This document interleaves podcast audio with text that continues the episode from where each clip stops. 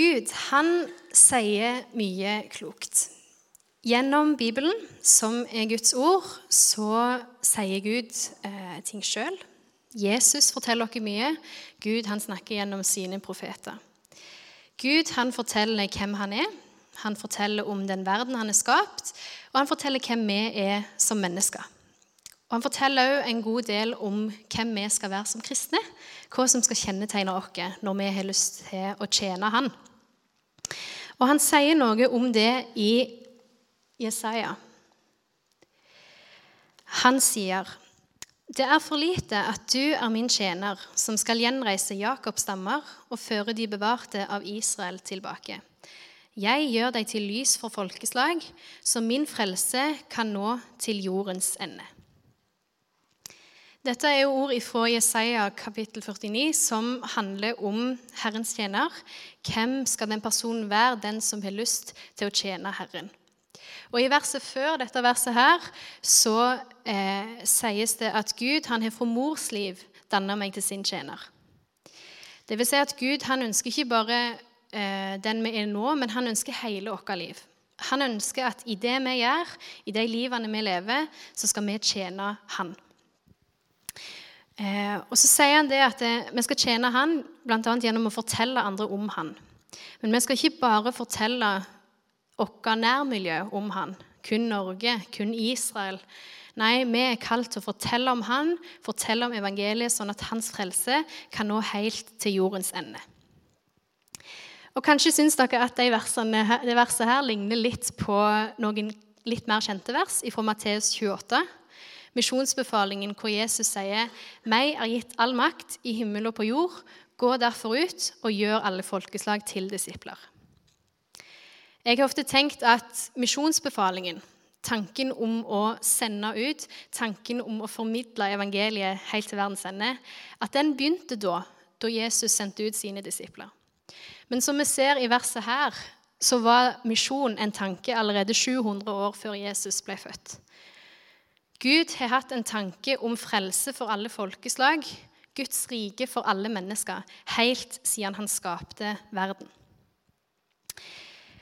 Og For meg så er det det viktigste, opp, eh, det viktigste oppdraget vi kan være en del av.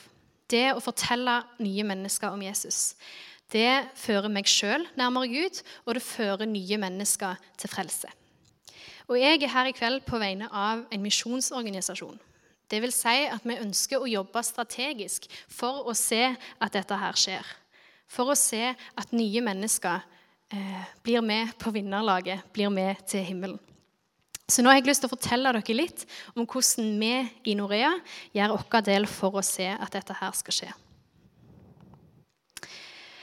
Vi i Norea vi er en mediemisjonsorganisasjon. Det vil si at vi jobber med misjon, men vi gjør det på en litt annerledes måte. Vi tar i bruk media. Vi tar i bruk hjelpemidler som Gud har lagt til rette for siden skapelsen av. Rundt jorda så finnes det mange sfærer, bl.a. ionosfæren. Og Den har den egenskapen at radiobølger som sendes opp, de reflekteres og kan mottas andre plasser på jorda. Så vi kan sitte her i trygge Norge, eh, fortelle evangeliet, og det kan mottas andre plasser på jordkloden. Det syns jeg er ganske kult. Vi er en organisasjon som er eid av Norsk Luthersk Misjonssamband, NLM, som dere nok kjenner til. Eh, men vi har hatt et eget navn siden vi ble danna, eh, sånn at det skal gjøre det litt lettere å samarbeide med andre organisasjoner andre plasser i verden. Og Vårt motto er at vi ønsker å være en spesialenhet for vanskelige misjonsoppdrag. Vi ønsker å bruke mest mulig av vår tid, våre krefter og våre ressurser på de misjonsområdene som er vanskelige å nå. Der det er stengte grenser, der misjonærer ikke slipper inn. Der har vi lyst til å ha vårt hovedfokus. Vi vil nå de minst nådde, og det har vi lyst til å gjøre gjennom å ta i bruk plattformer som bl.a. radio, TV og Internett. Det er plattformer som de fleste mennesker i verden på et eller annet vis har tilgang til. F.eks. i Midtøsten. Eh, der driver vi et omfattende TV-arbeid. Vi støtter noe som heter Z7, som sender kristne TV-program. Og I Midtøsten så har over 98% tilgang til TV. Det vil si at vi kan sende kristne TV-sendinger som handler om Jesus, rett inn i muslimske hjem når de sitter der og ser på TV-en sin. Um, så Gud han har gjort det egentlig ganske lett hvis vi kan finne gode måter å ta i bruk de hjelpemidlene som han har gitt dere. Her ser dere litt av hvor vi jobber rundt om i verden. Dette er noen av de plassene vi driver radioarbeid. Eh, TV-arbeid er vi også store på i Midtøsten. Og Et spennende område hvor vi driver arbeid, det er i Nord-Korea. Det landet der. Og Jeg vet ikke hva du tenker på når du hører Nord-Korea. Eh, om du tenker på atombombe, eller om du tenker på at det omtales som verdens farligste land å være kristen i. Jeg hadde mange mørke tanker om Nord-Korea. Um, og så reiste jeg der for to uker siden um, og fikk se et helt annet bilde. Um, det er en veldig annerledes hverdag enn, enn den vi lever her i Norge. Og nå har jeg lyst til å fortelle dere litt om det, sånn at vi kan bli litt kjent med det arbeidet som vi driver der. Som sagt så var jeg på tur der, og jeg trodde ikke at det var mulig å reise til Nord-Korea. Eh, men det viser seg at de er veldig åpne for turister, og de har lyst til å vise fram det flotte landet som de har. Vi fikk se eh, skoler, vi fikk snakke med elever. Vi var i en barnehage hvor unger hadde en danseoppvisning for oss. Vi fikk se de høyeste fjellene, de fineste maleriene. Eh, vi fikk gå på et sportssenter, vi fikk lage lokale mat. Vi fikk gjort utrolig mye på de dagene som vi var inne i landet. Og vi fikk se en del folk. Eh, og det som gikk igjen når jeg så folk, det var det at mange smilte. Tro det eller ei, så virka det som at de fleste i Nord-Korea er lykkelige. Folk smiler, folk har det bra. Nord-Korea er lagt opp litt sånn at hver person er ei brikke i Nord-Korea sitt puslespill. Og dersom du vet hva slags brikke du er, dersom du vet hva jobb du skal gjøre, dersom du kjenner din plass i samfunnet, Dersom du har en familie, så har du det fint. Så lenge du ikke er kritisk til noe, så lenge du lever det livet som staten vil at du skal leve, så har du det fint. Så det er mye lykke, mye takknemlighet og mye fint i landet. Her ser dere litt av Pyongyang, hovedstaden. Eh, mye fin natur. Et veldig fint land.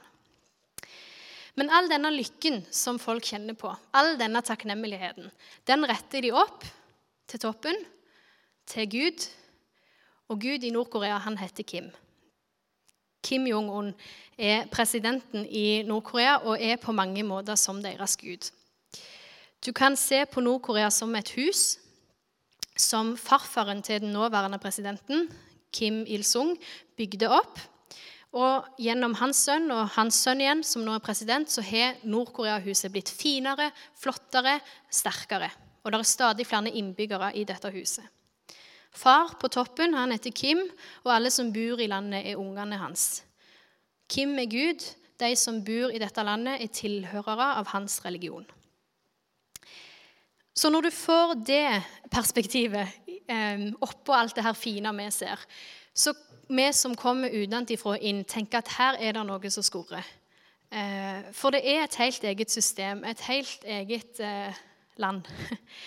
Og når du hører historier om mennesker som har flykta fra dette landet, eh, og vitnesbyrd fra folk som har opplevd ting i Nord-Korea, så viser det seg at landet det har en helt ekstra dimensjon med seg som er ganske mørke. Hele landet er et veldig strengt system. Da farfaren til den nåværende presidenten skulle bygge opp dette landet, så gjorde han det han, at han satte seg sjøl på toppen. Han var oppvokst kristen. Foreldrene hans, altså oldefaren til han som er president nå, de var kristne, og de var pastorer. Så han, han var oppvokst kristen, men Japan invaderte Korea eh, på 1900-tallet en gang, og da mista han troa på Gud. Gud, du beskytter ikke dette landet. Da, da tror ikke jeg på deg. Så når han omsider skulle bygge opp landet på nytt, så kjente han til kristendommen. Han kjente til eh, hvor kraft det er i en kristen.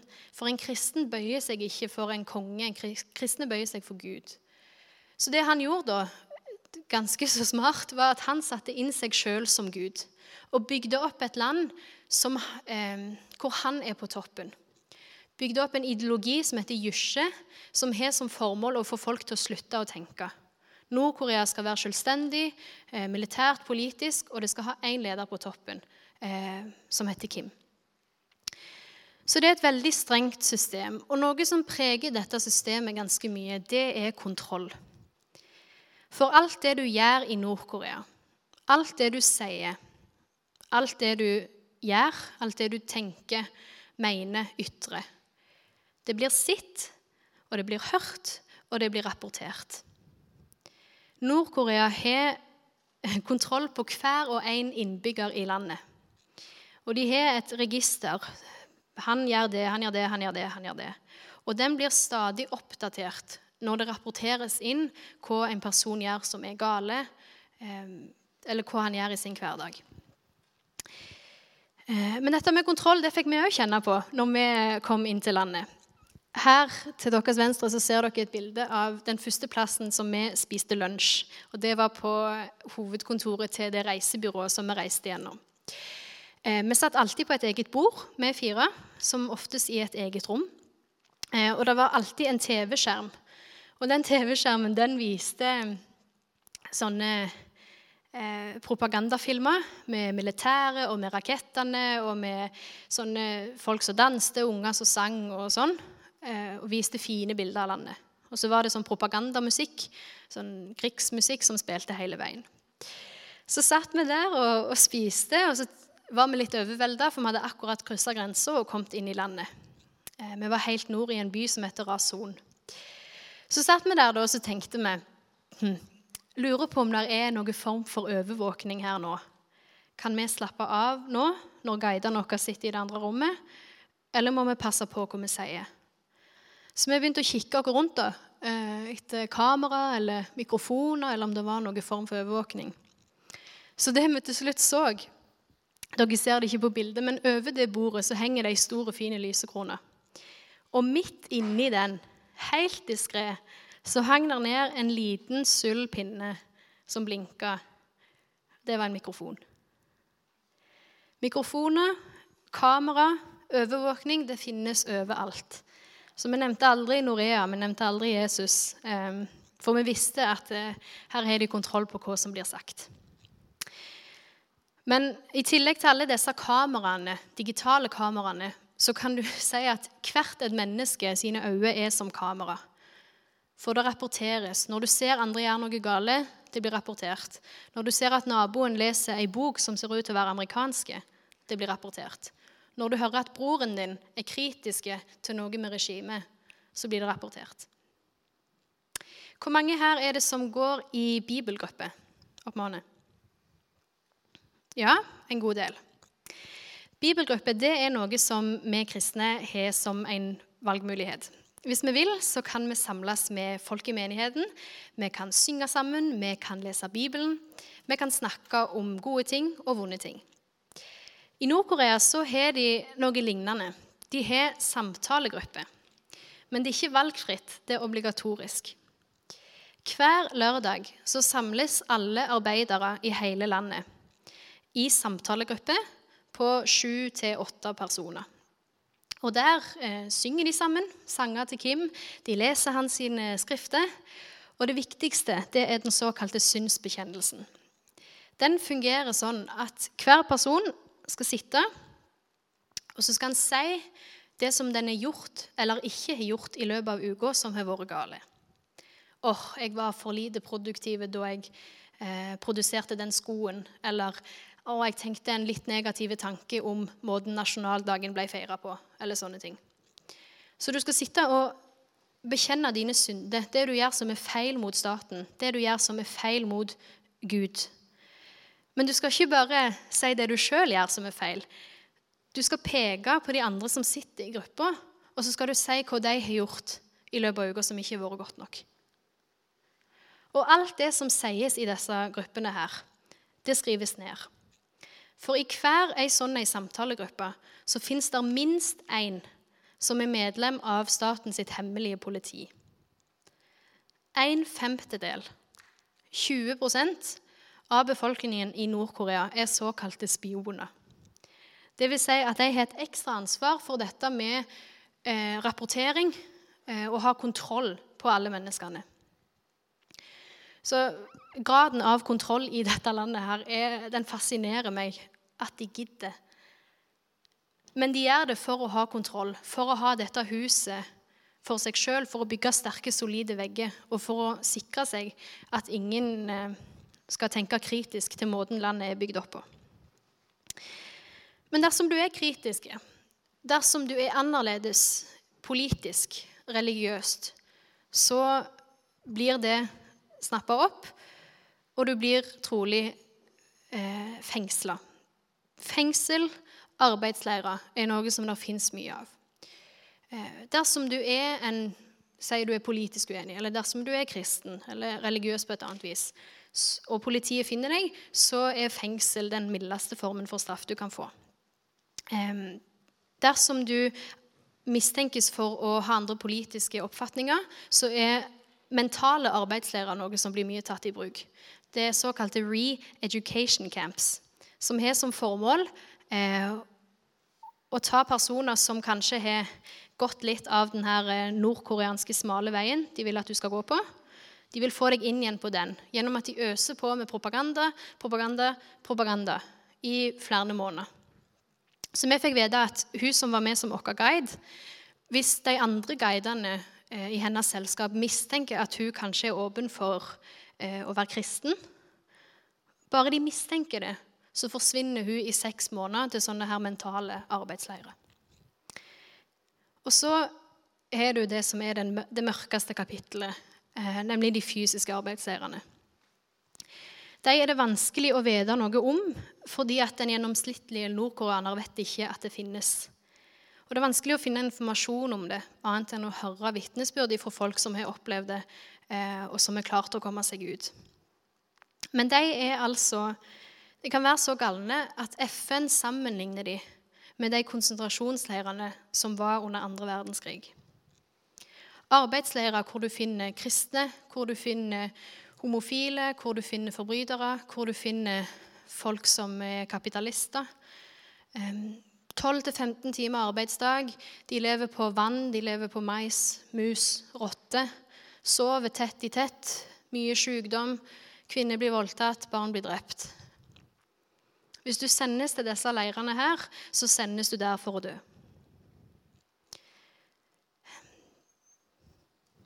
Så Det er helt utrolig, men det finnes.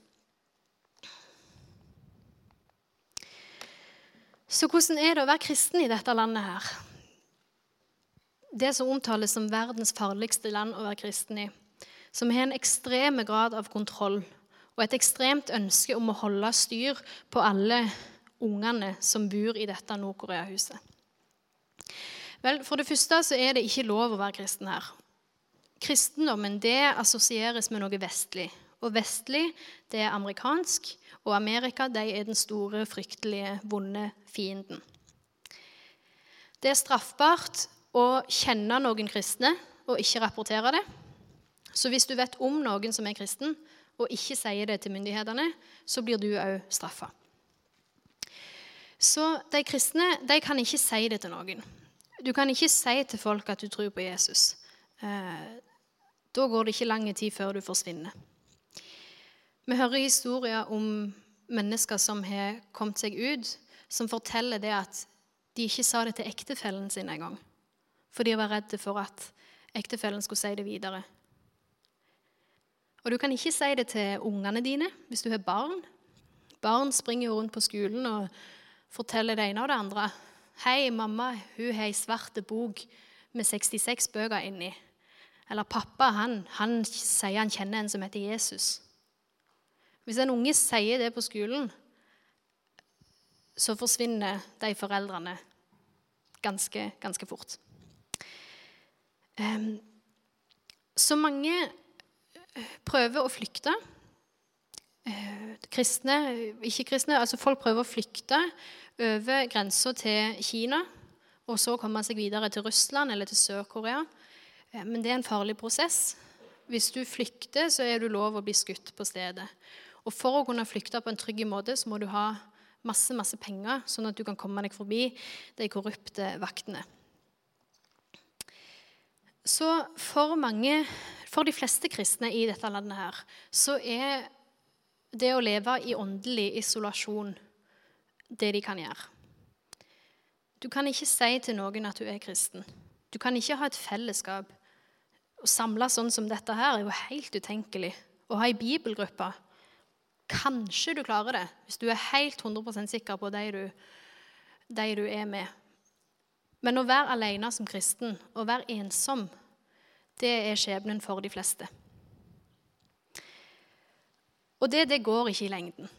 Vi er avhengig av å få påfyll. Det er ikke sikkert alle har en bibel engang. Vi er avhengig av å høre forkynnelse, samle sammen, be sammen, synge sammen. Eh, vi er avhengig av å vite at vi ikke er den eneste kristne. At det der er andre sånn som oss. Så det er her vi i Norea kommer inn. Det er her vi kommer inn med de radiosendingene som vi er med og støtter. For vi kan ikke sende misjonærer til Nord-Korea, men vi kan sende radiosendinger. Vi i Norea vi støtter en verdensomfattende organisasjon som heter Trans World Radio. Eh, de har en avdeling i Sør-Korea hvor nordkoreanske avhoppere som kjenner landet, som kjenner regimet, de jobber, og så produserer de kristne radiosendinger. Det kan være gudstjenester, det kan være søndagsskole. Det kan være nyheter fra utlandet, undervisningsprogram, eller rett og slett bare bibelopplesning for de som ikke har bibel. Så disse sendingene de har som mål å få de som hører på, til å vite at de ikke er alene.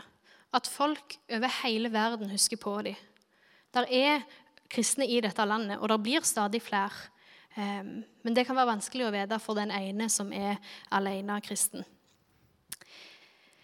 Flere kristne organisasjoner er med å smugle bibler og smugle radioer inn i Nord-Korea. For dersom du kjøper en radio på markedet i Nord-Korea, eh, så får du kun inn staten sine frekvenser. Akkurat som TV-en den har bare fire TV-kanaler. Og internettet det er lukka kun for Nord-Korea. De har ikke mail og sånne ting. Det, det er helt lukka. Men vi vet at radioer blir sendt inn, og de blir tatt imot. Så sendingene vi er med å støtte, de blir hørt. De blir hørt av kristne, og de blir hørt av ikke-kristne som tar imot Jesus gjennom disse sendingene her. Tilbakemeldinger er det vanskelig å få. Funker dette? Er det folk som hører? Det er ikke lett for kristne å sende en tilbakemelding, rett og slett fordi at Nord-Korea har kontroll på mye, og de har også kontroll på håndskriftet til folk. Så hvis en person sender et brev ut av landet som viser seg å ha kristent innhold, så kan det i verste fall spores tilbake til den personen, og den blir tatt. Så er det ikke mail og mulighet til å sende elektronisk. Men vi får noen tilbakemeldinger, og det er en radiolytter som sier det. Dere holder liv i min tro. Jeg ber for dere og for de mange andre Guds medarbeidere som hjelper meg. Takk. Han sier det at pga. disse radiosendingene, pga. det fellesskapet han får gjennom radio, pga. den forkynnelsen han hører, bibelopplesningen, så kan han fortsette å være en kristen. Og Det er ikke lett å høre på disse sendingene her. Eh, for en radio, de som blir sendt inn, det er ulovlig å ha. En bibel er ulovlig å ha. Så en person har fortalt det at den hadde en radio. Hver natt så gikk han ut av huset, to kilometer, inn i nærmeste skog, under et spesielt tre, under en spesiell stein. Så hadde han gravd ned radioen sin, sånn at han kunne ta på laveste volum og høre på disse sendingene. Eh, folk må høre i kjellerne sine, folk må høre der de er sikre på at ingen andre kan høre, fordi det er så farlig. Og han som gir denne tilbakemeldingen, han, han sier ikke 'Kan dere be for meg?' Men han sier 'Jeg ber for dere'. Han som lever under frykt, som lever under potensiell tortur, som lever under en helt umenneskelig hverdag, han ber for oss som sitter her. Det er virkelig et vitnesbyrd. Og det er inspirerende å høre historiene til forfulgte kristne i land sånn som dette her. Um, Og jeg håper at det kan få oss som sitter her, til å tenke litt over hvordan vi lever vårt liv. Jeg har gjerne lyst til å fortelle dere mer om turen, om det arbeidet vi driver i Nord-Korea og i andre land. Hvis du har lyst til å høre mer og få mer informasjon, så følg gjerne Norea på Facebook, på norea.no. Jeg er òg med liste ute i gangen hvor dere kan motta nyhetsmail. Vi er i gang nå med å produsere filmer og TV-program om turen til Nord-Korea. Eh, så jeg gleder meg til det blir klart, og vi kan vise det. Jeg håper dere har lyst til å være med og be for dette arbeidet. Be for de som produserer radiosendingene. De er òg i fare. Og spesielt å be for våre kristne brødre og søstre inne i Nord-Korea. At de må få kjenne et håp om at en dag så skal ting bli bedre. En dag så skal de få komme hjem. Og så vil jeg òg utfordre deg til å støtte dette arbeidet økonomisk hvis du har lyst til det. Radiosendinger er ikke gratis. Men de pengene vi i Norea gir, de går direkte til disse folkene i Sør-Korea som produserer disse radiosendingene. Det koster ikke mye for noen minutter på luftet. Så hvis du har lyst til å være med og gi, så ta gjerne kontakt med meg ute i gangen etterpå. Så kan jeg gladelig fortelle dere mer. Helt til slutt så må vi bare si litt om hvorfor driver vi dette arbeidet her. Hvorfor driver vi mediemisjon? Ja, hvorfor driver vi egentlig misjon? Hvorfor vil vi fortelle andre evangeliet? Vel, jeg vet at for min egen del så strekker ikke jeg til. Jeg er avhengig av Gud, av Hans nåde, av Hans frelse, for å komme meg gjennom livet her og for å ha en sjanse til å være sammen med Gud etter dette livet. Jesus han er den eneste som kan gjøre meg fri. Og den friheten jeg kjenner på i Jesus, og den gleden jeg har av å være frelst, den ønsker jeg òg at andre mennesker skal få kjenne. Verden for Kristus har dere kanskje hørt, og det har jeg lyst til å være med og jobbe for at skal skje. Men verden for Kristus, det gjelder òg for de menneskene som bor der Kristus ikke ønskes velkommen. Og de områdene er det stadig flere av. Områder hvor vi ikke kan jobbe på tradisjonelt vis. Hvor vi ikke kan si 'Hei, vil du høre om Jesus?' Områder som er stengte, områder som er strenge. Men selv om et område er stengt for misjonærer, selv om et område har stengte grenser, så er det ikke stengt for evangeliet. Evangeliet det bryter grenser, og Gud han er med oss. Og gjennom å ta i bruk hjelpemidlene han har gitt dere, som f.eks. media, så kan vi nå mennesker bak disse stengte grensene. Hver den som påkaller Herrens navn, skal bli frelst. Men hvordan kan de påkalle en de ikke tror på? Og hvordan kan de tro på en de ikke har hørt om? Og hvordan kan de høre uten at noen forkynner? Noen må ta på seg de vanskelige oppdragene.